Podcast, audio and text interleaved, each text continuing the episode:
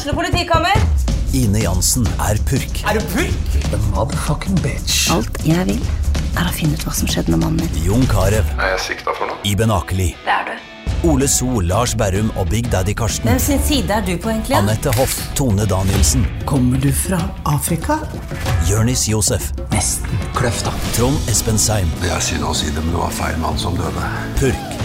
Premiere tirsdag på TV2 Play. SA-podden presenteres av Fleksi. Regnskap med et smil.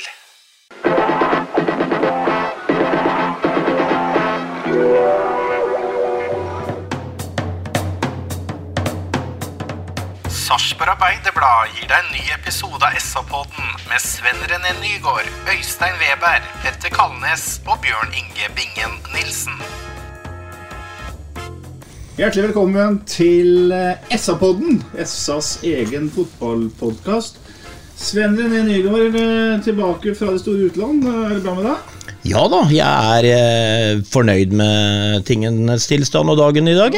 Kaldere her enn det var på Kanariøyene. Jeg vet ikke, jeg husker ikke, men Nei da, det er ikke så gærent.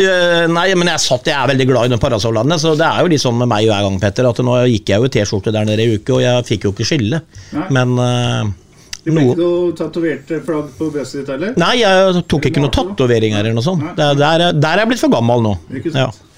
Øystein, da? Jeg vil bare sende en liten advarsel til Sven. Husk på at mora di hører på denne poden, Sven. ja, men jeg har ikke sagt noe gærent nå. Ja, Du snakker om at du ikke husker osv. Vær litt forsiktig med det. Ja, men det var ikke sånn. Formen er strålende, Petter. Vi har eh, igjen vunnet en fotballkamp og er i godt humør. Bra.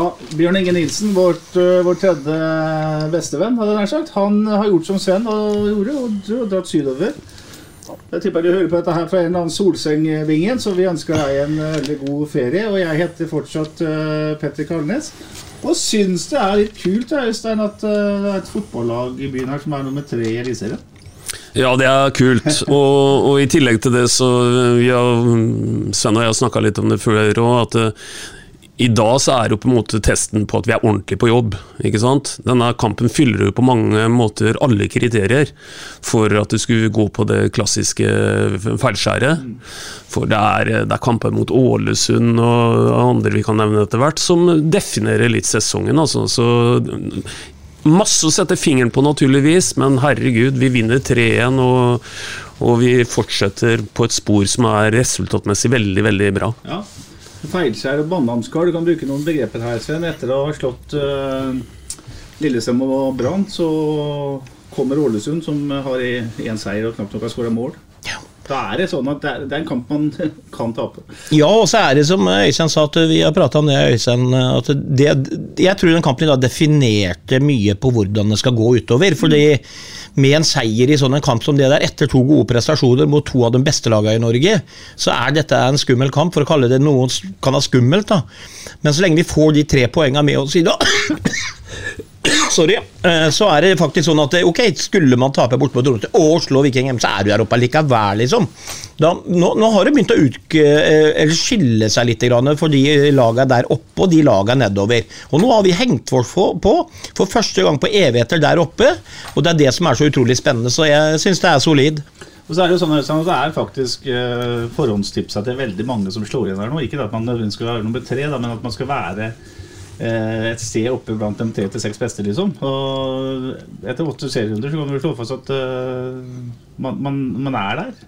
Ja, altså Det er ikke tilfeldig lenger at han er der. Eh, og så har vi frist i minne at vi lå brukbart til etter ti kamper i fjor òg, og så eh, innleda vi tidenes eh, ørkenvandring. Men jeg tror, ikke den kommer, jeg tror ikke den kommer i år. Jeg tror jeg har lært en del av ting som gikk gærent i fjor. Og, og nå har vi hatt resultater over tid, så kommer litt tilbake til det, som, som gjør at det er ikke tilfeldig. At vi, vi, er, vi har rett og slett et av de bedre lagene i Norge i denne byen her. Den syns jeg vi skal kjenne litt grann på. Deilig følelse. Sven, hva er hovedkonklusjonen din etter å ha sett 90 minutter og altså det på stadion? 3-1-seieren eh, var jo ganske solid. Eh, Men hva sitter du igjen med? Nei, jeg, sitter fortsatt igjen med at det er solid, og jeg sitter fortsatt igjen med det som jeg sa til, eller spurte Billborn etterpå, at jeg følte meg faktisk aldri trua, selv om det ble 1-2, da. Eh, Jeg følte at vi hadde så enorm den kampen i, i, i hånda vår. Men det som kan pukkes på litt, da, det er at vi var såpass overlegne og såpass gode at vi skulle kanskje ikke Altså Det skulle ikke vært 2-1 langt ut i kampen. Vi skulle kanskje leda den kampen 3-0, eller i hvert fall 3-4-1. da.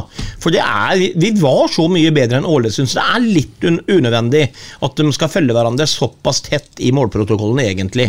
Så det er liksom det eneste ankepunktet. Men, men, men du ser liksom at det, Nei, det er noe solid nå. altså Du har bekker som produserer og kommer som kuler, og du har en Utvik som plutselig stanger inn i hytt og pine her. ikke sant? Så nå er det jo faktisk sånn at det er venstrebekken og stopperen vår som er eh, assist- og poengkongene våre, liksom. Og det er kanskje også en liten tanke, da. Det er kult, men vi skulle da for guds skyld hatt enda flere offensive spillere som produserte mer. En av våre trofaste lyttere, og en som også er litt aktiv på Facebook-sida vår, så sender oss et melding her innimellom. Geir Myksvold Lande sier jo det at eh, han hører om keepertrener og mentale-trenere, og jeg vet ikke hva det var for noe, forsvarstrener og angrepstrener. Men han ønsker seg en, noen, en som kan drepe kampen-trener. Den hadde jeg hatt behov for. Ja, han hadde fått godt betalt òg, tror jeg. Han som hadde tatt på seg den eh, fagoppgaven der. For det er jo på en måte en sånn en, eh, litt sånn et, eh, en, et kjennetegn i fotball, og det er ikke, det er ikke enkelt å, å riste opp det. Og så er det som Sven sier, nå har vi folk bakover som produserer mye. Det er klart det er plusser og minuser med det, for det er klart at det, Offensivt så, så, så er det helt riktig at, øh, at øh, vi, vi, vi skulle hatt en høyere uttelling. Mm. Og jeg, vi har jo snakka om det før, Sven. Det å ha en som i større grad lukter disse innleggene. Blant annet. Det er jo mange innlegg. Vikner slår gode innlegg. Bonzo Ba slår gode innlegg. Og ikke, minst Soltvedt. Ja, og, og først eh, det, du, i, i, forhold til inntrykk av kampen, så må jeg bare si at i dag datt det også mange kilo ned av skuldrene på Bonsi Ba. Eh, og det kan ta utover nå. Nå har han fått det målet sitt, så det var ekstremt viktig både for han og for laget.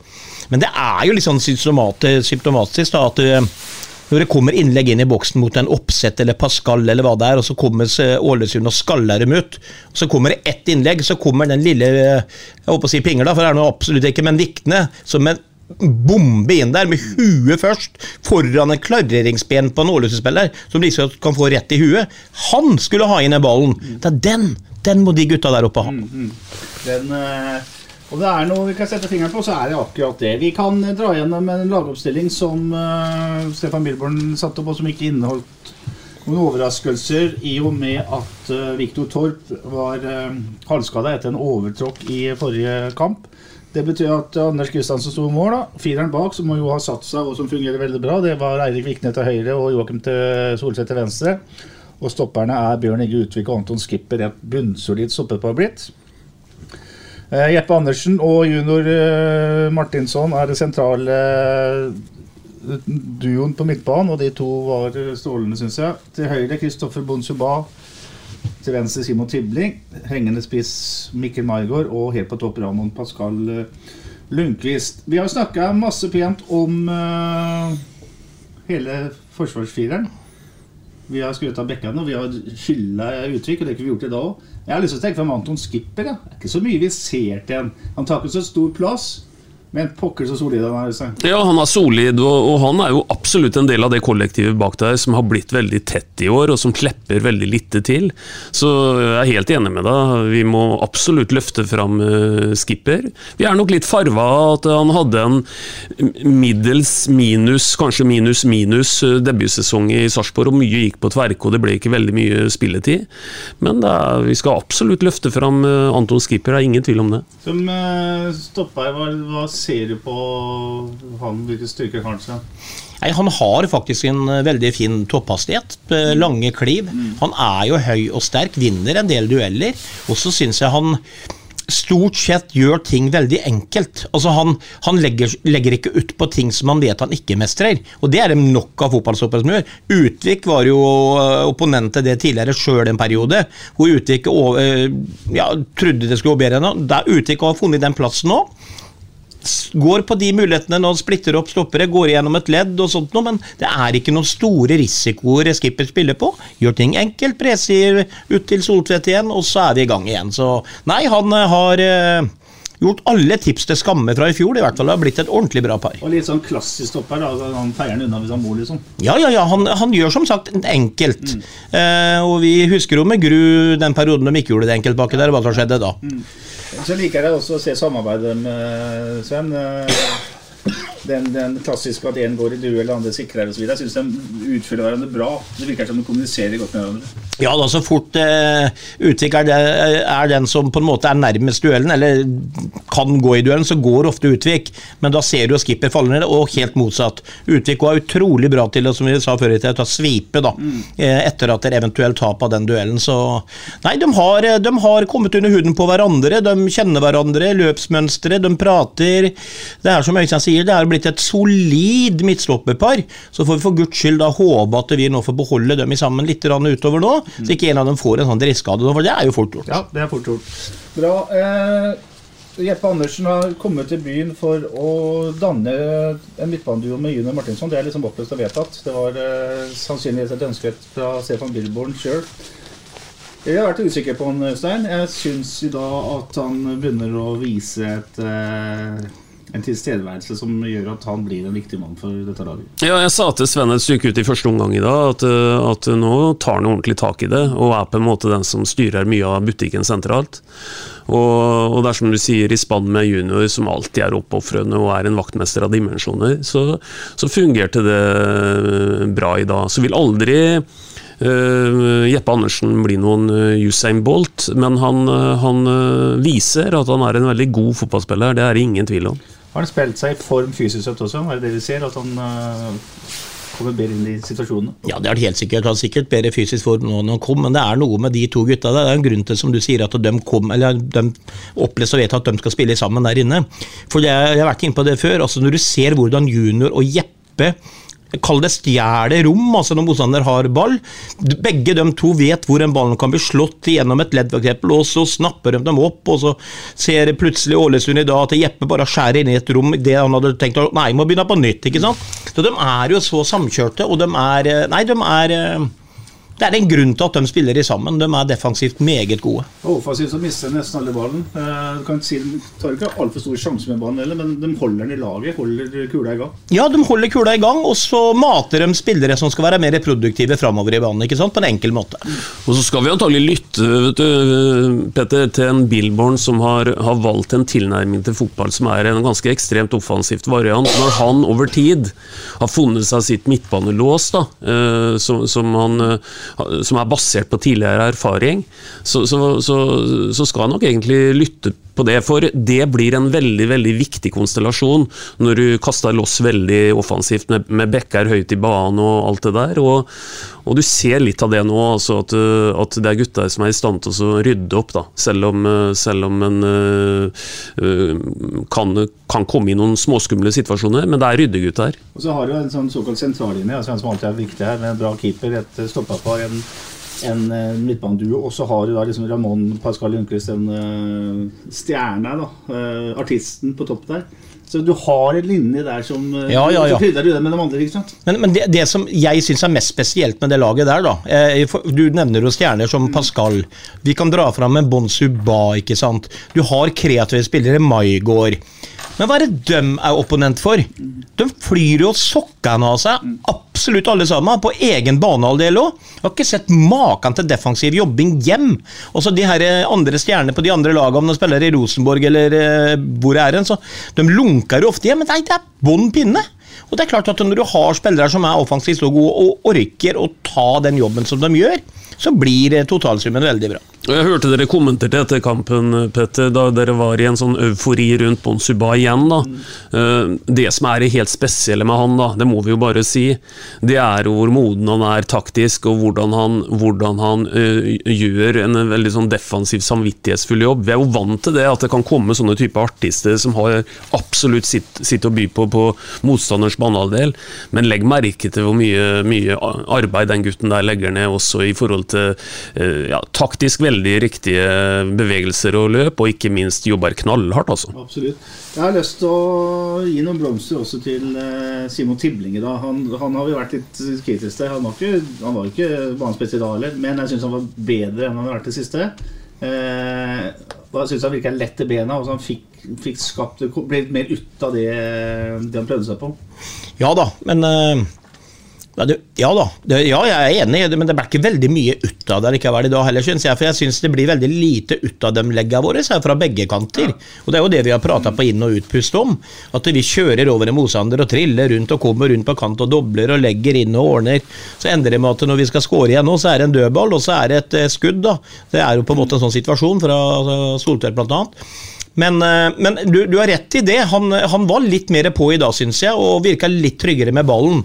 Så han gjorde absolutt en godkjent kamp. Jeg syns at det var kneppet opp for uh, Tibling, og det er faktisk sånn, Petter, at uh, når han kommer til dørlinja og får lagt en, en, ball inn, så vi kan, ikke, vi kan, ikke, hekte alt på han. Det må være noen i enden av det innlegget der også. Og det er, det er et ansvar for folk i, i boksen. Så jeg syns at Tibling gjør mye bra i dag, og, og, kommer til noe innlegg som hadde vært mulig å gjort noe mer ut av det vi fikk til. Altså. Jeg synes det var interessant Sven, at eh, Tibling igjen får tillit. Da, for han har jo han har jo strengt tatt vært såpass svak i noen kamper nå at han kanskje nesten ikke fortjente å starte en kamp i dag. Eh, men Billborn gir ham tillit. Billborn vil ha den type kant. Han kunne gjort Han kunne brukt, eh, han kunne jo brukt en Fardal Opseth og flytta Margot ut der, f.eks. Han kunne brukt uh, Stephanie Skålevik, som på en måte er en kanterstatter. Men det virker som, som Billborn vil ha typen ute. Ja, hvis du tenker, hvis du bytter Tibling og Maigård, hvis jeg bare sånn fort skal mm. prøve å analysere så tenker jeg hvis Maigård spiller utpå der, mm. så vil han prøve å dra an spiller, og så vil han legge et innlegg eh, fortere enn det Tibling gjør. Mm. Tibling kan ta imot ballen, gå, prøve kanskje å finte. Nei, her blir det vanskelig. Opp, tilbake, rulle tilbake. Ny runde. Bearbeide, bearbeide, bearbeide, bearbeide. Og da har vi ballen i laget. Med de andre kantene så blir nok ballen litt mindre i laget, vil jeg tro. Maigård tror jeg kunne slått inn kanskje litt oftere. Og da hadde vi hatt litt mindre ball. Så det, det er jo spillet sin til Billborn. Han er jo perfekt der, fordi at han kan han, han, mister jo ikke ofte ballen. Det blir ikke veldig ofte mye av det, men han holder ballen i laget. For han spiller den i 45 tilbake igjen, og så kan man lete etter nye løsninger. For balanse i laget, så ja, er det viktig. Ja, ja. ja, bra har vi vært gjennom uh, laget, og den uh, fotballkampen den starta med at Sarpsborg tar tak i kula med en gang. Men jeg, jeg noterer meg nå etter 1 minutt og 40 sekunder, som jeg også nevnte i stad på sendinga vår. Det er Nå låter jeg litt i ubalanse. Viktene er litt uh, for høyt til banen. Da tar Bonsu ba et løp på 40 meter Øystein, uh, mot eget mål og sikrer uh, bekken sin. Han er 19 år, han kommer fra Ghana og er en driblefant, men som du sa nettopp, for et, for et fotballhue. Altså. Ja, vi må nesten si at han er 18 år og 5 måneder, for her må vi nesten ikke legge på en eneste dag. Altså. For den gutten er jo helt sensasjonelt voksen i nøtta til å, til å være så ung. Og det var jo det vi så da vi, da vi, da vi så han ble kasta innpå, riktignok i første kampen mot Moss i treningskamp, og det er Moss og alt det greiene der, men, men, men da så vi at uh, han hadde noe helt uh, eksepsjonelt. Utover det, som mange har, å ha en glimrende nærteknikk, som vi har snakka om uh, veldig ofte. Han, han en ting er at han spiller gjennom ledd og, spiller veldig, veldig, veldig gjennomtenkte pasninger, men der gjør han noe annet, som du sier, Petter. Han, han leser hele situasjonen veldig og er kalkulert i forhold til det han gjør der, i forhold til å kunne demme opp for den risikoen som ligger der. Så, så Bonsuba han, han, er en spesiell kall, altså. Mm. Og Det tok et støt minutt, så var det Bonsuba som står på blokka mi igjen. Da, da slår han en crossball, som han slår mange av. Den er så vekta, så den går rett på foten til Soltvedt, som selvfølgelig er høyt i banen. Soltvedt slår et sånt slags volleyinnlegg til Pascal, som header over. Uh, Soltvedt slår mange fine innlegg, men der er en litt, den er for mye luft under seg. Den er vanskelig å få heada i mål. For, ja da, ja da. Samtidig så uh, trodde jeg kanskje at Pascal skulle klare å komme enda litt høyere på og komme over ballen. da, Han klarte jo ikke det. Men det er jo som du sier, altså Du kan tenke deg som gammel fotballspiller selv, Petter, at du spiller høyreback, så skal du flytte over og hjelpe der borte hvor Bonsi bakkommer. for, for å gjøre det trangere, og så kommer det den passingen her, så skal du forte deg ut, du rekker ikke ut. Det er jo fantastisk fotball. Og det er jo liksom ikke noe Det er ikke så lett for motstander når du slår en 40-50 meters pasning hardt rett på lisa til mannen på andre sida, så åpner du et fotballag, og det er det som er kult med det. Ja, så er jo tidligere sånn at Soltvedt som venstreback er lenger framme i en situasjon der enn eh, Ja, men han kan, han kan jo gjøre det, for han vet jo Du kan jo bare legge deg, som jeg har sagt før. Jeg syns det nesten er rart, jeg, når Bonsi Ba får ballen ut på høyrekanten, at det ikke kommer enda flere løp. Fordi at det, ja, i dag lykkes den ikke med veldig mange av dem, men jeg tror jeg kan telle åtte til ti millimeter Nesten på at den passingen hadde kommet igjennom. Par ganger alene med keeper, så alene ned til dørlinja. De, de er så vekta og så gode, så jeg syns det er rart at de nesten ikke kommer på flere løp. Jeg tenkte på en ting. Jeg ser de løpa kommer ofte fra altså fra motsatt kant og sånt tar i bevegelse når uh, Bonsuba har ballen. Eh, Maigård gjør det, og spissen gjør det. Mm. Lundqvist. Jeg savner kanskje en, eh, dyp midtbanespiller òg. Altså, Jeppe hadde et forsøk forrige kamp eh, mot Lillestrøm, eller hvem det nå var mot. Men eh, for der blir det enda lengre og dypere løp. Kanskje lettere for Bonsuba å treffe enn da. Det er jo en tanke de, ja, ja, de kan, det er jo tanken de kan ha. fordi at når, når det flyttes over så mye spillere, både motstandere og egne spillere på en side der borte, så vil jo Roma bli store i midten og lenger bort. Så det, han, eh, Bonsu han klarer å tre mellom eh, to stopper her, og han, vet du. Og da kommer du der, som du sier, så kommer du overraskende. Da kommer du overraskende. Ja. Ja, og så tenker jeg også sånn Dere snakker om Billborn etter kampen i dag, og han er jo som vanlig, da. Uh, egentlig er det litt ålreit, det, altså. Veldig mye å kikke på. Er jo kjempefornøyd med poenget, Sven, men, men eh, han å Han sier jo veldig klart at vi har mer å gå på, sier uh, Billborn. Og noe av det som har mer å gå på, det er det vi er inne på her. For, for her, når de øver seg åtte ganger i seriesammenheng med å ha Bon Suba som stikker disse, disse pasningene Dette her blir ikke dårligere framover, det, det kommer bare til å bli bedre. Og når du snakker om de crosserne han slår, nå har ikke hver gang du lykkes med det, men når han slår den han slår over til Soltvedt der, så, så vi har snakka ofte om at eh, den noe nesten er sånn ferdig skåra. Den er nesten ferdig dempa, den der ballen han slår på 50 meter der. Hvis jeg legger merke til den ballen, så er ikke den ballen som, som, eh, som eh, skrur veldig mye. Altså det er en, det er sånn strak ristcross på, på 50 meter som, som antagelig er ganske behagelig å motta for Soltvedt sin side. Absolutt. Bonsuba er en strålende fotballspiller. Eh, Balltempo er et tema alltid, Sven, når et, eh, en motstander ligger så lav som det Ålesund gjorde. De la seg jo på 30 meter fra eget mål.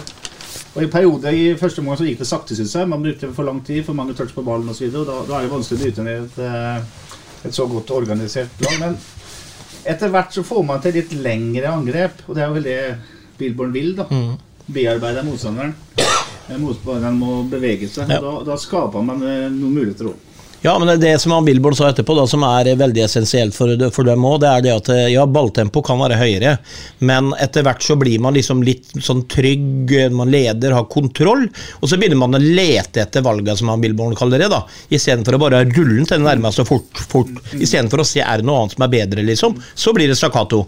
Så det er jo det han savner. Det er naturlig, det, så han blir utålmodig da, som ballholder her nå. Ja, men det er veldig interessant det Billborn sier der, for han sier det at her har dere egentlig to valg. Enten så, så spiller dere øh, øh, disse kjappe, innøvde øh, trekka vi har, eller så spiller dere egentlig på intuisjon. Det er de to tinga. Ikke den tredje varianten som går på å bli litt tvilende, søke etter noe en egentlig ikke har øva veldig mye på, men å liksom bare fortsette med det som de antagelig trener på sju dager i uka. Bra. Vi har et uh, fint angrep etter 13 minutter som ender med et uh, skudd fra Ramón Pascal Lundqvist. Ender i corner. Så er det et nydelig Soltvedt-innlegg mot bakre stolpe, der det er bare en Ålesund-bekk som header den ut til en ny corner. Og så er det et, eh, en sjanse til der Tibling skyter et skudd eh, rett i en blokk. Men etter 18 minutter så kommer det som eh, mange har venta på, nemlig at uh, Mr. Bonsuba fikk hull på den berømte byllen. Eh, vi har snakka om at han går, eh, går for mye innover, og så etter hvert så skulle han gå utover. Man gjorde ikke det heller, men i dag syns jeg gikk begge veier. Men når han får den ballen her, da. Det er sånn at det er et ganske langt angrep som ender med at ja, Junior først prøver en sånn Maradona-variant, så du det? Prøvde å drible seg gjennom Ja, ja, ja, bena gikk som eh, trommestikker. Ja, det, var liksom, det var stopp, da, men så begynte man på'n igjen, og så er det er det sånn at ballen havner hos uh, mister uh, Bonsuba, og så drar han seg forbi to mann. Og så skyter han mål. Eh, Nå er ikke Bingen her, men eh, hva syns du om keeperspillet til eh, den gamle landslagskeeperen? Nei, Grytebustad bedre inngripner enn det. Jeg tipper at Grytebustad er litt forbanna på seg sjøl for at han slipper inn den. Men det var som Sven sa i stad, det viktigste med det målet det var at vi Bon Suba fikk hull på sin bil, og som, som antagelig gjør at han ytterligere vil vokse. Men, men vi har sett keepere redde sånne skudd, det har vi. Men på spillemøtet til Ålesund i dag, og på, på Quality Hotel på Grålum, så er jeg helt sikker på at eh, treneren sto og sa at uh, han der i høyrekanten, han går innover ni av ti ganger. Nå gjorde han det to ganger på rad, begge to gikk på, for klarer ikke å få tak i. Nei, da, Det er bare sånn det er med noen eh, spillere. og da må jeg nesten, Selv om ikke Bingen der, jeg trekker fram den hvite Peléen, da, Vidlund. Ja. For han satt bak oss i dag. så jeg hørte han snakka om og prøvde å forklare kameratene sine. Vidlund har mye mer fotballforståelse vet du, enn de kameratene. Så handler det litt om at der, når, han begynner å gå en liten kjapp mot høyre og så mot venstre, så går han tar sånn bestandig røkken når du står med bein på feil tyngdepunkt. ikke sant? Og da er du ikke altså, Hvem som helst kan prøve det å stå på det venstre benet og sparke fra med venstre og gå til venstre. Det funker ikke. Han er så drilla på det, og han ser bare ned på de føttene. Vet akkurat hvor han kan vende av gårde. Og spillerne vet det, men han har eksplosivitet. Så de, de, de får ikke tak i ham. Det er bare sånn det er. Det er ikke en bekk i Norge som stopper Bon Suba, akkurat på den bevegelsen der. Det har han bevist mot Fredrik Bjørkan, det. Så, så, så akkurat det er rett og slett Bon Suba en klasse bedre enn det man møter i norsk eliteserie. Det som er spennende, det er på en måte hva han eh, gjør ut av det etter at han har eh, tatt av den førstemannen. For det å ta av førstemann, det vil han gjøre med skjerf foran øya, det. Det sitter så i ryggmargen på den gutten. Og noen ganger så har han til og med noen så geniale uh, pasninger mellom noen ledd at de er så geniale som medspillerne skjønner jo ikke at der skulle ballen komme en gang. Og, og i det hele tatt, men, men akkurat det også, hva er med han på de to første dansetrinnene? Dream on. Fins ikke en forsvarer i Norge som er med på det. Vi har snakka om at øh, Vi må snakke om det. Det, et, det kommer et overgangsvindu snart. Vi har snakka om at hvis Kristoffer Bonsen bare skårer, begynner å skåre mål, så flyr den der summen i været, Øystein. Eh, Holdt jeg på å si det hadde vært bedre om han ikke skåra. Ja, altså det er jo. Det er jo ikke det, ikke sant? For, for, for, for, det er jo fint at han kan levere så lenge han er her, men vi må være ærlige også. Og nå, i tillegg når Raymond Fjell begynner å snakke om at det begynner å summe en del agentprat nede på stadion allerede, etter, en, etter eh, syv seriekamper før den kampen i dag uten skåra mål osv., så, videre, så kan vi jo bare drømme om hva som begynner å skje når, når han eventuelt også begynner å øh, lage noe sluttprodukt, og det kommer jo an til å gjøre mer av framover.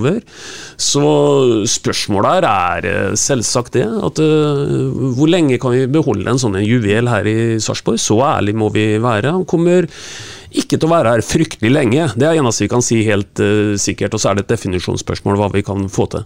Vi er ikke spilleutviklere, vi, Sven, og vi er heller ikke utdanna karriererådgivere. Men uh, er det mulig å mene noe om at Bon Subal har godt av å spilt 30 seriekamper i norsk fotball for å være enda mer herda til å reise til det store utland? Ja, det, det mener jeg 100% at Hvis han kunne tatt hvert fall minimum et helt år her, en hel sesong Han er som sagt akkurat fylt 18 år, og som jeg tuller med, han har knapt fått kviser ennå. Han, er jo- han er jo en guttunge.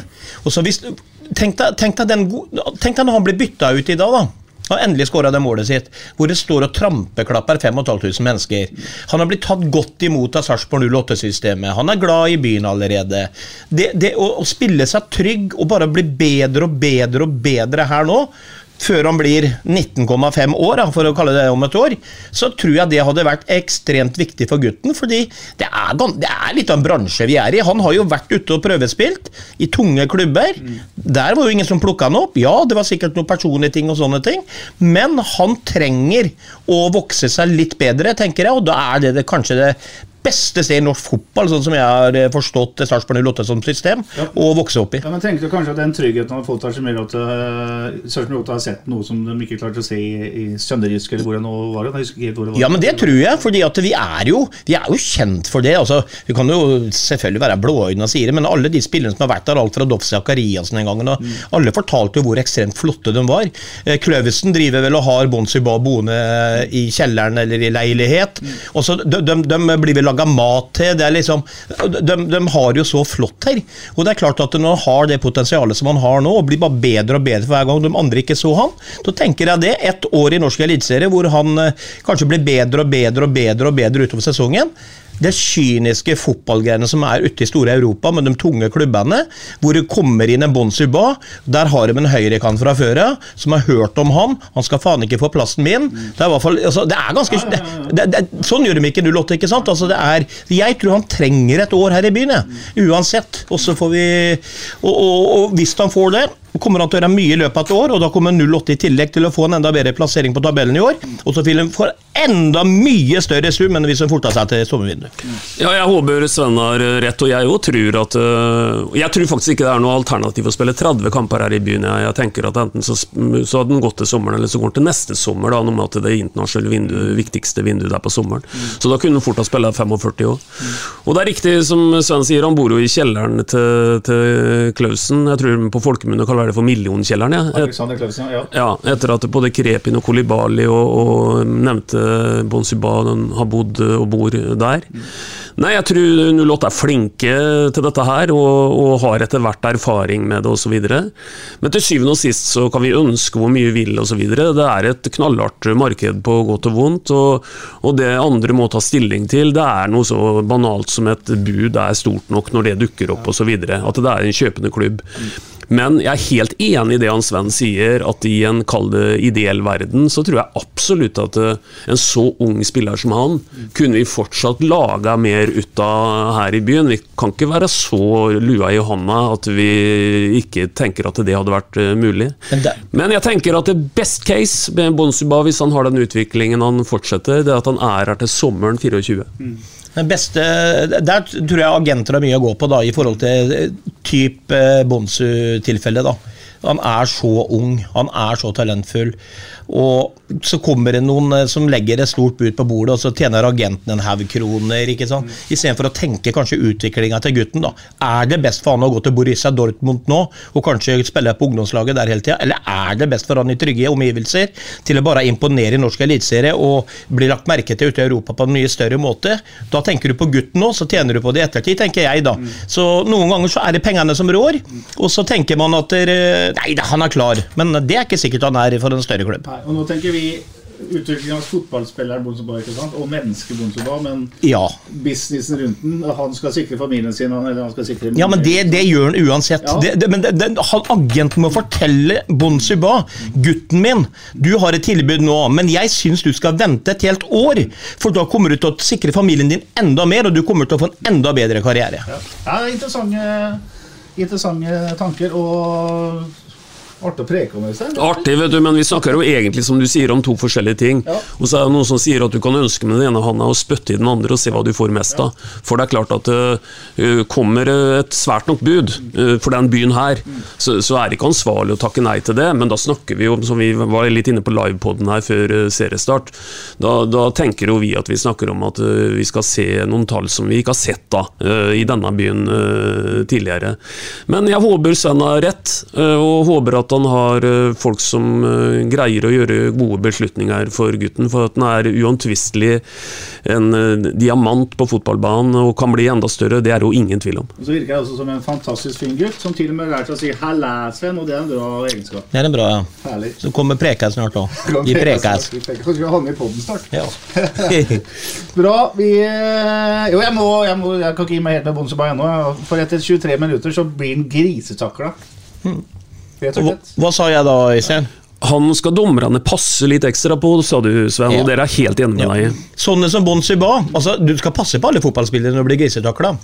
Men dommerstanden i Norge må forstå når han spiller på de marginene med den flikken og innover i banen og sånn, at det her blir folk drittlei, og her vil de prøve skitne triks etter hvert. Så han må passes på. For det, du ser tydelig at der går de bare inn en sånn møkkatakling for å få den litt ut av kampen, og det er ikke siste gangen vi ser. Selv som Beck der, det var bare feil til å håpe at han ikke, ikke skader, men at han blir engstelig. Det. Han hadde blitt skada da, vet du. Ja, ja. Nei da, Nei da men, men, men, det er sånn eh, og Det er liksom da sier eh, Han jukser ikke, eller han detter jo aldri uten grunn. Og, så kan jeg, jeg må bare ta når det gjelder juksing en gang til. Altså, Soltvedt, hvis du hører på, sånn som når du spiller ballen ut av sidelinja, og han er fire meter unna motstander, så ikke strekk han i været og skal ha innkastene, for det vil jeg ikke. Nei, men det gjorde du og det husker jeg veldig godt. Aldri. Eh, det jeg også skal si rundt denne situasjonen for Bonsuba, er at fyren reiser seg jo opp. Det står jo det står jo fem fysioterapeuter på rekke og rad og skal inn og hjelpe, men han reiser seg opp og fortsetter kampen. Ja da, han har en veldig sånn ærlig attityd. Han skal ha for det òg. Eh, Etter 28 minutter så er det en, eh, det er klassisk veggspill som er helt strålende mellom Vikne og Mikkel Maigård. Eh, Vikne klår til Maigård. Maigård bruker ett sekund på å holde ballen, og så slår det en nydelig vegg til Vikne. Innlegget det er ingen blå som tar imot, men det hadde vært et fantastisk mål. Det hadde vært en som satt den i nota. Etter 36 minutter så kommer det jeg eh, omtaler som eh, juniors Maradona-forsøk. Det var ikke mot det første målet, men det var andre målet. Han står foran fire oransje og skal prøve å drible seg gjennom. En morsom situasjon. Ballen går videre. Eh, Bonsuba slår til Pascal, til junior og noe greier. Og så kommer han til eh, Bonsuel, som slår motsatt. Eller Pascal som sto. Der er iallfall Tibling som header den ut, og da kommer vår nye toppskårer, ikke toppskårer, men storskårer, Joakim Solseth. Ja, eller st stor poengsanker, ikke sant? Han har jo snart øh, det, Han er på toppen. Ja, 70-80 av det vi omtrent har av poeng. Det var jo å ta i litt. Men han, har, øh, han er veldig mye involvert. Og det jeg syns at Soltvedt viser oss i i denne kampen, da, og, og, så tar vi med den han også skårer på Det er vel Åråsen, den han setter i tverrligger ned, da han plutselig bytter plass med, med, med kanten og spiller kant sjøl. Husk på én ting. Når vi har hylla Soltvedt, så har vi hylla at han har et venstreben som er godt egnet til å slå eller piske inn farlige innlegg. Vi har ikke minst også snakka om at han har en god frisparkfot. Men han har noe utover det, Petter, og det er den derre Litt evnen til å lukte de situasjonene som oppstår. Som han gjør på Åråsen, og som han gjør i dag, hvor han egentlig er helt ute av posisjon, på en måte, men det er jo helt riktig posisjon han da dukker opp i. Så han, han, han er noe så sjeldent som en en venstrebekk med målteft langt over gjennomsnittet, faktisk. To mål og fire assist i seks målpoeng. og er Delt femteplass i ligaen. Og så er han jo høyt i banen hele tiden, fordi han får lov til å dra billboard. Det er jo selvfølgelig en forutsetning for å produsere. Ja da, og så er det jo tilbake til to sentrale midtbanespillere igjen, da, i junior og uh, Jeppe der, som uh, gjør at han kan ligge der oppe nesten og vente på crosspasning. For hvis en ball blir dårlig, så er vi jo litt overkjørt her, men hva gjør det når de to andre faller ned? Så det er, det er et, et spillesystem her som er litt delikat og deilig også, for det er vi, vi, vi tåler å eh, være så breiale offensivt med mye spillere fordi vi har kompensasjonsspillere inne i banen da, som tar den jobben til dem som har stukket. Så det er bare gøy. Veldig artig del av moderne fotball det der med at du har en, eh, et svenske kaller det for midtlås uh, midt i banen her, som, som sikrer bl.a. når bekkene går på tur. På Joakim Soltvedt var det jo ikke tvil når han fikk den uh, tilbakeheadinga fra Soltvedt. Han dunka den i golden. Så ser det veldig godt ut og greit på 2-0, men det er som sagt livsfarlig å lede 2-0, Øystein. For eh, etter 38 minutter så kommer Ålesund på eh, en av de sjeldne eh, tilløpa de hadde foran mål til eh, Kristiansen. Da er det en dobbel corner, også på den andre så blir det klabbabab, og så skårer ganeseren Isak Atanga. Og da var det liksom Da er det jo match igjen. Ja, det vil jo alltid være match igjen når det blir 2-1 i en fotballkamp. Men jeg er litt der som Sven åpna med å si i stad, at Jeg vet ikke om det er bare følelser eller hva det er, men jeg, jeg satt i hvert fall med en feeling i dag at dette her det er en kamp vi, vi kommer til å berge inn tre poeng. Men det er klart det er kamp igjen når du får, eh, når du får 2-1, og spesielt når du står foran en, eh, en eh, lang omgang. Men, eh, men eh, Og, og, og det virka veldig unødvendig òg. Billborn er vel også inne på dette kampen i dag. At eh, vi, vi, vi, vi mister det litt etter 2-0. Vi slipper oss litt, eh, litt eh, utilgivelig ned. Og det kan jeg vel egentlig støtte. Etter pause så går eh, Sarpsborg rett i angrep igjen, men da er det mye ballholding ikke noe særlig med sjanser, iallfall i førsten av eh, omgangen. Det vil si, eh, etter 56 minutter så lager Bon Suba en sjanse for Ålesund, eh. Der, eh, der treffer han ikke ballen særlig godt, og Anders Kristiansen er våken. Ja, men det der er bare kål, det òg. For jeg så det tidlig. For jeg ser både Vikne og Bonsi kommer. Og Det verste er at jeg håper at de prater med hverandre, tenker jeg, idet de kommer løpende, og så gjør de jo ikke det. De Går jo på skalle i hverandre til og med, så det blir sånn Det, det gjør at Bonser treffer ballen dårlig, for han blir redd for kollisjonen der. Så er det noe som er viktig i fotball, og så i alle andre CV-er, så er det kommunikasjon. Ja. Anders Kristiansen nøla litt, men han øh, ombestemte seg og dunka til. Ja, og det var viktig at du ikke nøla lenger, Anders. Altså. For at Hvis du hadde nøla ett hundredel til, så kunne faktisk spissen der fått den foten på ballen som gjør at han er helt ute av posisjon. Er Og, og, ja, det også. Det også. Så han kommer akkurat i det som heter grevens tid, og det gjør han egentlig pga. at han holder igjen bitte lite grann på nøling. Hadde han vært helt resolutt, så når han den ballen ganske klart først. Men han, han venta litt, og det ble småskummelt, altså. 08 får bokstavelig talt en stor sjanse etter 64 minutter, da et svakt, eh, en svak pasning fra en midtstopper havner hos eh, eller om det var keeperen eller om det var stopperen, havner hos Mikkel Maigård, som setter fart mot Det er i hvert fall en tre mot to-situasjon. Og det, er, det der må man jo utnytte på det nivået her. Jeg syns ikke det er bra nok. Nei, i stad så sa jeg resolutt. Altså, det, det var ikke resolutt, Mikkel Maigård, det som skjedde der. For det er jo en, det er jo en eh, kjempesjanse, rett og slett pga. at du har flere alternativ. Du kan avslutte sjøl, du, kan, eh, du kan eh, spille ballen til høyre, til Bonsiba, du kan gjøre flere ting, og det ender jo opp i ingenting, egentlig. Det er ofte sånn når det kommer så plums på, og det blir så god tid og mye rom, så blir ofte ting litt vanskelig. Det er, sier nok kommer alene med keeper noen ganger, og de har god tid, så er det vanskelig. Men det var jo sånn som jeg sa til Øystein, sånn gufs fra fortida, men det var 08 som gjorde akkurat det der. Ja, ja, ja. Det var en typisk sånn som vi holdt på en periode, da. Det er klart at det, det ja. Jeg trodde nesten han eh, Mikkel skulle dunka til en sjøl. Ja, men det er det han skulle gjort, antageligvis. Fordi at han hadde så god plass til å ta strekke rista til høyre for Grytebuss der, f.eks. Og begge stopperne går jo bredt for å skjære av pasningen. Pasningen går til Tibling. Tibling avslutter, men blir blokkert til, eh, til corner. Uten at Tibling skal ha noe skyld i det, for det var faktisk et bra stopperspill av Ålesund. Eh, Ålesund tar et dobbeltbytte midtveis i omgangen. Men så, vet du, så kommer toppskåreren. Etter 68 minutter er det corner. Det er vel Soltvedt som slår. Den er, vi har sett den før, Øystein. Ja, vi har jo så til de grader sett det før. Nå vet jeg ikke hva, ut, hva sa Utvik etter kampen, at det ikke var et sperretrekk på denne skåringen. Jeg jo opplever jo denne som at det er relativt innøvd, og at det står noen foran deg som gjør egentlig veien opp for uh, Utvik Jeg litt sånn var uh, levert. noen, jeg tror ikke det var noe særlig blåhvitt som satt sperre akkurat der. Jeg tror det rett og slett han knuste to-tre mann, men Ja. eh, han sa jo det at vi pleide å bo sammen på hotellet og så få kose litt ekstra, Ja, ja, ja. så blir det bra. Men for en, for en eh, mann, ikke sant. Når du i tillegg nå begynner også bli avgjørende med, med å lage poeng i den andre enden nå, så er det klart at det da ja, Da får vi gjenta det vi sa sist, eh, 08. Jeg hører dere har starta samtalene med, med Utvik. Ikke stopp de samtalene. Ta og så Gir dem opp et hakk, og, og få signert den mannen der på en livstidskontrakt. Jeg mener det er offensiv heading der du ser om du er virkelig god spiller eller ikke, Sven. Eh, og Utvik har ikke gjort mye mål tidligere. Det, det har han jo ikke. Hva, gjør, hva er det som er grunnen til at han i år kommer først på dem? Er, er, er det fysiske ting, eller er det er blitt tøffere? Nei, Jeg spurte han jo om det etterpå. og som jeg sa, Er det fordi du er så på flytbølge? Vi har prata deg inn på landslaget på poden omtrent, som jeg sa, og du har spilt eh, himla bra hele veien, og så begynner du å skåre mål. Men sa, det, det, det kan jo være det som han sier. Altså, Det er noen sånne små mentale ting. at eh, Når han tidligere gikk på dem, så hadde han ikke trua på det. for Han, har liksom ikke scora, men nå har han gjort det to ganger på rad. Og hvorfor gjør jeg ikke det tredje da, liksom? Så det, jeg, jeg tror jeg skal aldri undervurdere sånne ting, men han er jo en flytsone.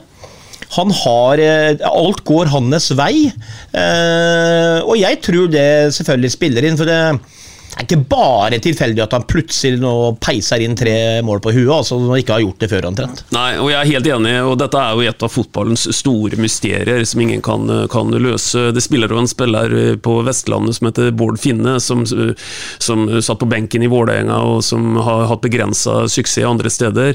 Legg merke til hvordan han driver nå, hvor Én ting er at du eventuelt har geniale bevegelser, men nå detter jo ting ned i, i fanget på han, og han hadde en skåring i dag igjen som er vanskelig å kalle noe annet enn at du er i en flytsone. Og så har vi ikke noe, noe eh, Kanskje noe bedre analyse på det, rett og slett enn at du har selvtilliten på topp, naturligvis, og tviler ikke og alt det greiene der. Det ligger vel de elementene i det, tenker jeg.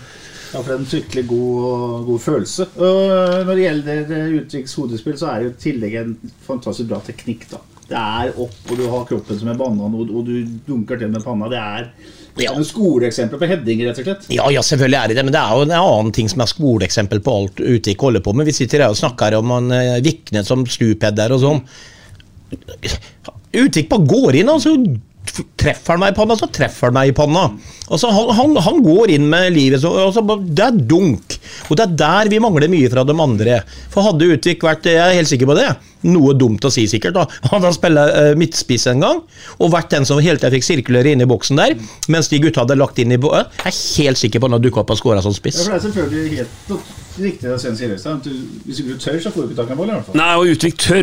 Det bør, vi ikke, det bør vi ikke lure på. Det er utrolig imponerende mot de guttene der har, og vi legger jo på en Vikni, da, som Sven var inne på i stad, som stupeder inn en egentlig det er jo en teknisk veldig godt utført heading, og i et hjørne som keeper burde ikke slengt seg engang, for han kunne ikke tatt den. Uh, og det er guttene med hjelmene, altså. Ja, det er de to med flest hodeskader i laget som da stupheader og peiser på inni der. Og det er, eh, er du en gang født tøffing, så er du en tøffing. Bra. Da var det 3-1. Bjørn Inge Utvik hadde skåra igjen. Og da tar Billborn eh, øyeblikkelig noe grep. Han eh, lar Jeppe Andersen få hvile. Der kommer Viktor Torp inn, som altså sto over pga. en liten skade. Og så blir Tibling erstatta av Kristian Fardal Opseth etter 69 minutters uh, spill. Og da er vi jo ganske trygge, da. Bonsuba får hvile etter 79 minutter. 10 minutter senere, altså. Da kommer Skålevik inn, og så kommer Martin Høiland inn for uh, Ramón Pascal Lundqvist. Ja, og så har vi jo helt på tampen der også et bytte med vår halvdensvenn Martin Hol. Hol Andersen. Mai går ut etter 88 minutter. Ja. Martin Hol Andersen inn. Hyggelig å se Martin Hol Andersen er Ja. i farta igjen. Absolutt. Eh, Etter 87 minutter så har Kristian Fardal oppsett en stor målsjanse. Dunker den i tverrliggeren. Der kunne det vært, vært game over. Mens helt på slutten så er det Ålesund som treffer eh, treverket. Jeg tror ikke lenger. Nei, men da er det slutt. Og da er det jo slutt. Ja. Hadde ikke rekt får et par muligheter helt på slutten, som jo er naturlig. Men eh, du satt ikke med noe særlig puls, Øystein? Nei, altså, jeg støtta meg litt på det at da er det nesten slutt, da. Eh, For det er klart at det er bare flaks at ikke eh, Ålesund skårer på helt på tampen der. Som ærlig må han jo være. Men da velger jeg å støtte meg på at eh, vi hadde liksom strupa den kampen her uansett. Hadde det bare, blitt, bare blitt 3-2-3 poeng hadde det, hadde det blitt. Ellers så må jeg jo si, da, nå hadde jo, som du sier, Fardal en, en, en i tverrliggeren i dag. Jeg vet ikke, Han styrer vel så vidt det er også på, på en forsvarer der, men der mangler det fortsatt den derre altså, det, er ikke utvik i lufta vi ser der, altså, eh, når det gjelder eh, Fardal Opseth. Han må han har fysiske forutsetninger for å gi mer bank i de, i de duellene han eh, blir involvert i. Han, du kan starte med å lette noen hundredeler tidligere, og så vil du vinne et par av de duellene som, som forsvareren spiser av deg på. du er så stor og sterk, så er det bare å komme seg inn i kroppen og rygge litt inn i stopperen, så kommer ikke stopperen opp, og da er han høyere nesten enn stopperen, og da skal det være vanskelig å ta han, så det må litt mer fysikk må til der. eh, Eller fysikk har nok, men litt mer tøffhet i duellene og gjøre seg litt mer kostbar i, i, i de duellene. Ja. 3-1, veldig solid. Eh, Temaet vi har snakket om flere ganger, er jo det å få omsatt et, eh, et overlegent ballinnehav til eh, flere skåringer. Situasjonen er den nå at uh, Venstrebekk, Soltvedt og Utvik har gjort fem av de ti måla. Det er, så vidt jeg lærte på skolen, eh, cirka, eller for ikke å si akkurat 50% Ja, jeg visste at du var skarp i prosentregning, Petter. Jeg som visste at debet var nærmest døra, vet du. Ja. Eller hva det var for noe. Vindu var det kanskje. Da kan du snu på det og si det, da. Tenk om de offensive spillerne begynner å produsere utover, ja, da blir det moro, da. Ja, ikke sant? Men er det ikke Det er ikke bra at Det gjør jo ikke noe at stoppere og backer skårer mål, men det skulle vært noe spissere også. Ja, men det må, vi, det må vi tåle å snakke litt om det. At det er ikke godt nok. Men jeg tror at noe av det potensialet Billborn snakker om, da han er helt tydelig etter kampen i dag på at vi har betydelig mer å gå på, sånn leser han 100% så tror jeg bl.a. det går på ytterligere eh, kall det offensiv samhandling, som, eh, som enda mer involverer Bon Suba. Og da snakker jeg ikke om Bon Suba sine involveringer, men at vi har også lagkamerater lagskamerater her som leser hva som kommer, enda litt tydeligere. Og i dag er det, som også Sven var inne på tidlig i poden her, det er noen helt marginale situasjoner for at det hadde blitt skapt ytterligere store målsjanser. Men vi må tåle å si at at vi, vi, vi, burde absolutt hatt noen som hadde hatt en høyere effektivitet på topp. Det, det er ikke noe tvil om. Men tror du de, de sitter og planlegger et overgangsvindu også inn, altså spiller inn Svenjane? Tror du uh, at man gjør seriøse vurderinger av å hente inn uh, mer kraft på topp?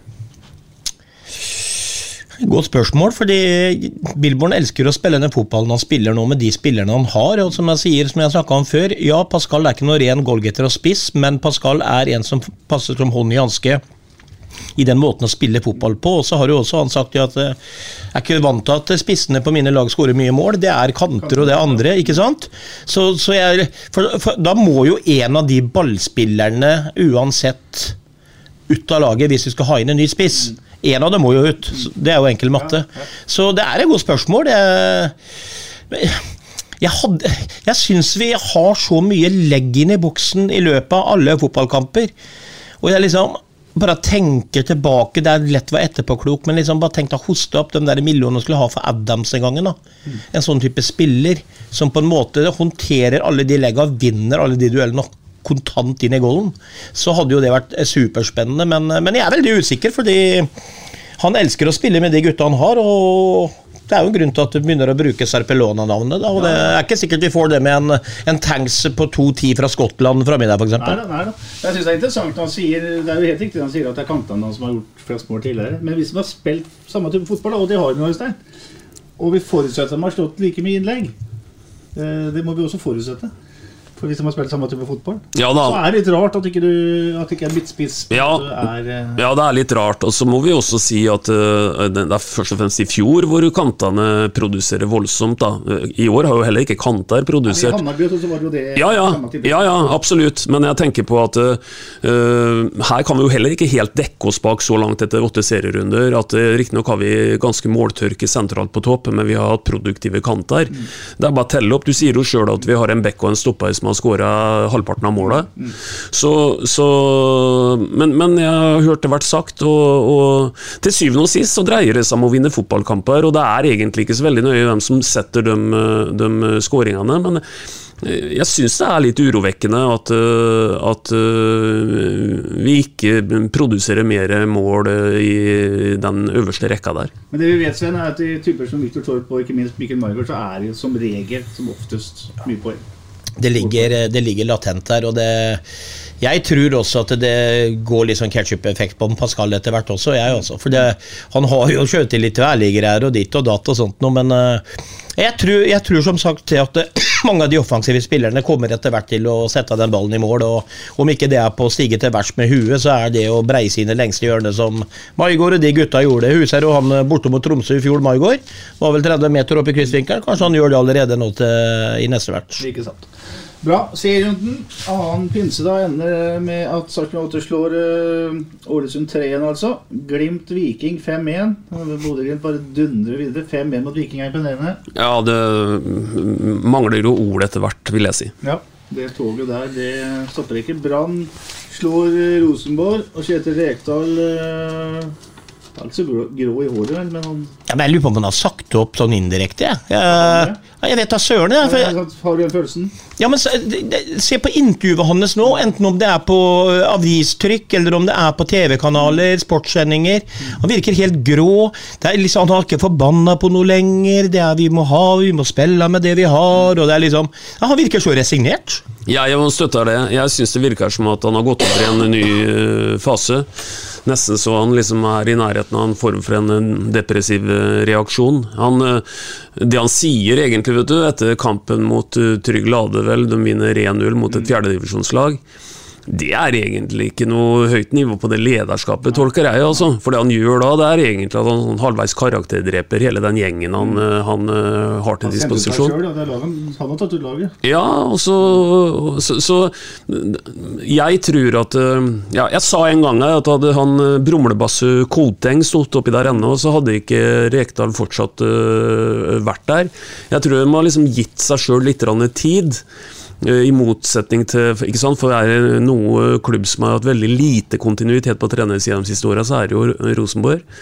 Men nå brenner det nok et blått lys for, eh, for uh, Rekdal. Det er interessant når det gjelder lederskap innen idretten, og spesielt innen fotball, at den uh, toppsjefen i klubben kan stå og æreskjelle de ansatte offentlig.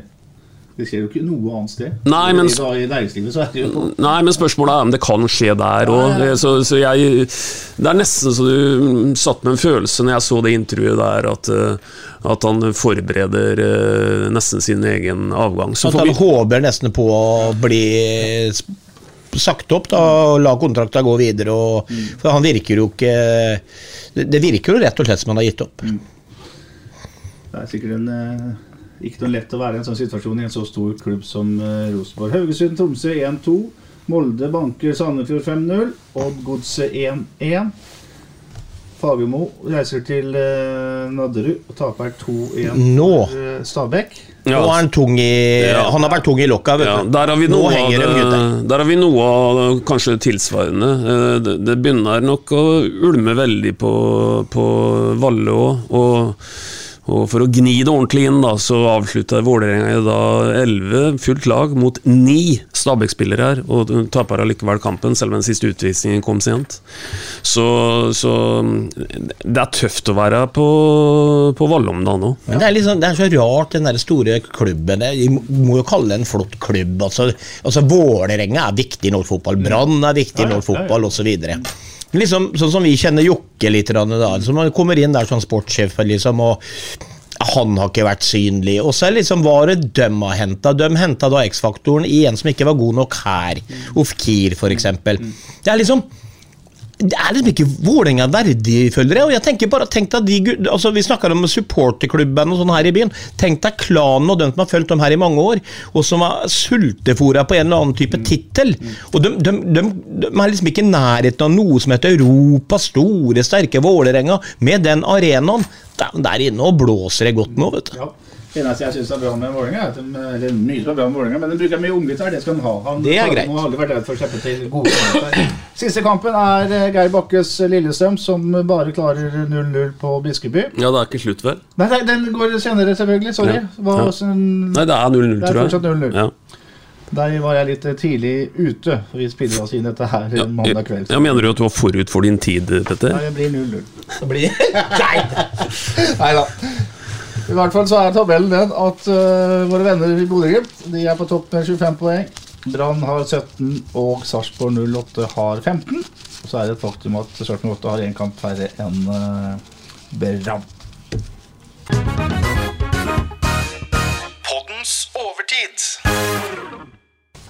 Da 5435 sarpinger forlot uh, Sarpsborg stadions tribuner mandag kveld, eh, Øystein, så intervjua Sven og jeg eh, ja, Ikke så veldig mange av dem, kanskje fem-seks stykker av dem.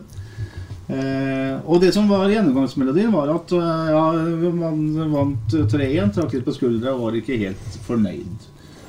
Er vi blitt veldig blaserte på kort tid her? Ja, det er et signal her som vi skal ta, ta litt på, på alvor. For uh, nå har vi snakka mye om uh, Bodø-Glimt, og det er, uh, det er ikke veldig omdiskutert å si at det er Norges beste fotballag. Og da vil jeg minne om altså, at med unntak av kampen mot, mot uh, Bodø-Glimt, så har ikke bylaget nå tapt en seriekamp siden 28.8 i 2022 mot Molde borte. Så, så ja, rett og slett spilt 18 seriekamper og tapt én fotballkamp. Uh, og jeg vil gjerne ha det sånn, jeg. Jeg vil gjerne vinne 17 av de 18 neste, neste kampene òg, ja. Da blir det jo for øvrig uh, klokkerent eh, medalje. Til publikumsoppmøte, der òg er det litt sånn kom si kom sa. Sannheten er at vi etter denne serierunda her, etter å ha møtt et par eh, riktignok lag som trekker en del folk, men vi har også trekk, eller møtt et par lag som er litt sånn Vi må, uten å være høye og mørke, kunne si litt grå i massa. Eh, Odd og Ålesund. Så har vi nå et snitt på et sted mellom sånn 5-6, 5-7 på hjemmekampene. Det er et snitt som Sarpsborg aldri har hatt før. Og, og vi sa litt om det sist. Det tok en del år før vi passerte fire. Vi har gått opp et helt annet nivå nå. Og jeg syns at øh, det, ser veldig bra ut, og, pilene peker øh, oppover på det meste. Så, så vi, må, vi må stikke fingeren litt i jorda her, og så, og så ikke absorbere medgangen for fort. Men det at folk er kravstore, Sven, det kan jo også være en, eh, et bevis på at man har kommet et langt stykke da, som fotballag. Ja da, selvfølgelig. Og så eh, sitter jo dem og hører kanskje på intervjuer etter kamper og hører på en kravstor Billborn som ikke er eh, veldig fornøyd. Det er masse ting å ta tak i, ikke sant? så de, har, de tenker jo mye av det samme. Men fotball er jo ferskvare i resultater òg. Det er sånn som eh, det er for fotballspillere som går inn og ut av klubber. Og for hver gang du vinner, så finner man bestandig noe å peke på. Det, du kan si hva du vil om det, men eh, nå betaler de nå en gang inngangspengene sine og får lov til å mene litt. Og sånn kommer det til å bli. Sånn er det, og sånn kommer det til å være i stort sett alle klubber, dessverre. Men eh, jeg tror det er litt sunt òg, ja, at man på en måte, så lenge man ikke er sånn overnegativ, at man på en måte, sånn som vi snakka om etterpå, Petter, at eh, ja, det her er solid, men altså, hvorfor skal vi ikke lede 3-0 f.eks.? Sånn? Det må det være lov til å si, fordi vi ønsker at klubben skal vinne noe, bli bedre og bedre og bedre. Og for å bli det, så må man øve på de tingene, og faktisk gå til 3-0 istedenfor å få 2-1 i ræva, da. Så det er eh, ja, ja. Ja, og så har kunden, som du har sagt 100 ganger, alltid rett. Ja da, og, og jeg er enig i mye av det han eh, Sven sier. Jeg må greie å ha to tanker i huet samtidig. Jeg må kunne gå an og kalle det å analysere en fotballkamp uten å hele tida trekke opp eh, noen sånne voldsomme linjer med noen positive trendlinjer på publikum og sånn. Det går an å diskutere begge tinga. Men jeg bare peker på det at eh, faktum er nå at i 2023, 29. mai, så har Sarpsborg et av Norges to, tre, fire beste fotballag. Og, og, og det, det Smak litt på det, tenker jeg. For det er, eh, det er rett og slett imponerende. Tenk deg den tida når Rosenborg og de eh, feia gjennom og vant gull på gull på gull, og de spilte 1-1-1-kamp der hjemme, så var det jo helvete løs. Det var jo så dårlig som dritt eller greia. ikke sant? Sånn er det bare. Det er dessverre sånn, og nå har vi vunnet mye. Og da blir man kravstore, og så er det om å holde tunga rett i munnen her og være å si, kreativ i, i hva man mener som ikke er bra og sånn. Ikke, ikke bare slenge eder og galle bare for å få gjort det for å bli hørt. For eh, så gode har sarpingene blitt nå at de fortjener eh, all skryt de kan få. Ja, og så tror jeg at dette her vil etter hvert også En sånn kjepphest som vi har lokalt, da, det er at vi syns vi får veldig lite riksdekkende omtale osv. for det vi egentlig gjør. Jeg tror at det, det er en sånn enkel, enkel forklaring på det. Eh, Det er én faktor først og fremst som gjelder når det gjelder å bygge opp et, et merkenavn, og det er tid. Eh, Vi er fortsatt relativt ferske. Jeg tror at det som eh, kommer til å skje, det er at den dagen vi har levert på et veldig veldig bra nivå over tid, da vil vi antagelig snu på det, og så vil vi antagelig få hederlig omtale mye lenger enn vi fortjener, hvis kurva begynner å peke nedover igjen. Så, så vi, vi, vi får det vi fortjener, og så kan vi være litt sånn sure på det.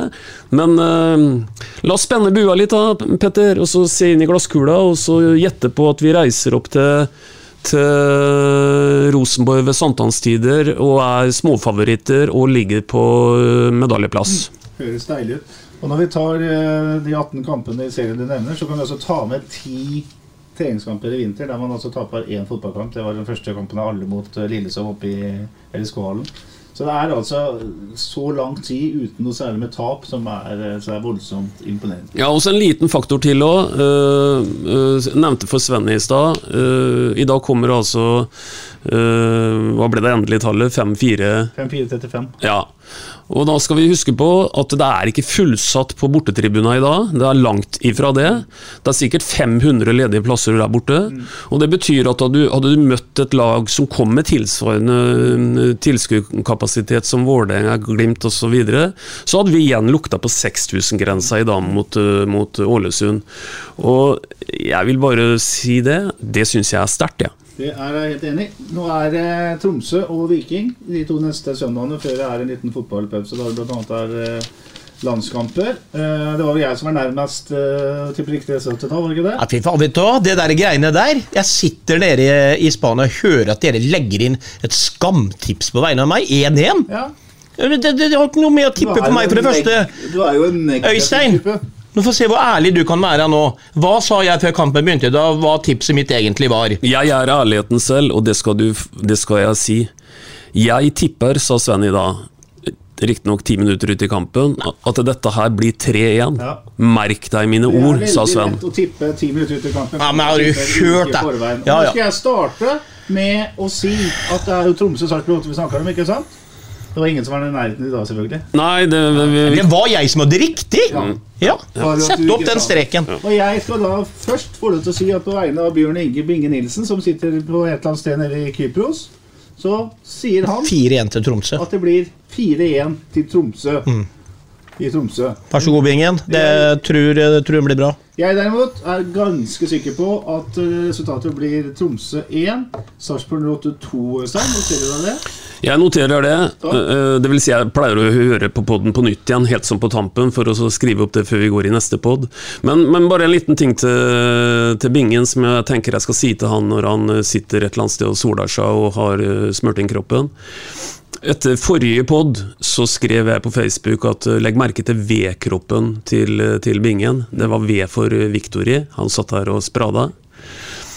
Når jeg er ute og går, så møter jeg ofte Tom Erik Gundrosen. Han, eh, han hilser jeg ofte på.